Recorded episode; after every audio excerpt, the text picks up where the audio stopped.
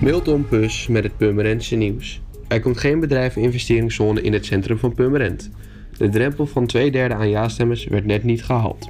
Een BIS houdt in dat de ondernemers die in zo'n gebied gevestigd zijn, samen investeren in onder meer promotie, kwaliteit en veiligheid van hun omgeving. Aan de ene kant kan dit leiden tot een hogere omzet en een betere uitstraling van de buurt. Aan de andere kant legt het verplichtingen op aan alle deelnemers. De Koemarkt is sinds 2018 al een BIS.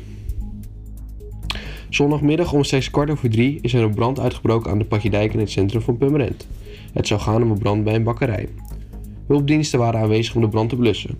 De brand is ontstaan door de koelvitrine. Net als voorgaande jaren konden patiënten van het Dijkland ziekenhuis weer aanschuiven voor een kerstdiner. Dat werd bereid door koks van het ziekenhuis en uitgeserveerde verpleegkundigen, doktersassistenten en leidinggevenden. Patiënten die te ziek waren om in de dinerzaal te eten, kregen hun maaltijd op de kamer geserveerd. Bijna 250 gasten, patiënten en hun dierbaren kregen op zaterdag 21 december het drie gangen kerstdiner voorgeschoteld. Kinderen kunnen de komende twee weken zich weer sportief uitleven tijdens de Purvak.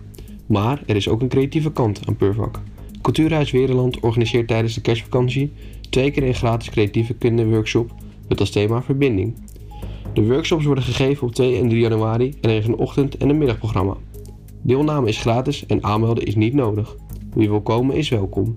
Meer informatie is te vinden via www.purvak.nl. Wereland is gevestigd aan de Van IJsendijkstraat 403. Voor meer nieuws, kijk of luister natuurlijk naar RTV Purmerend. Volg je onze socials of ga naar rtvpurmerend.nl.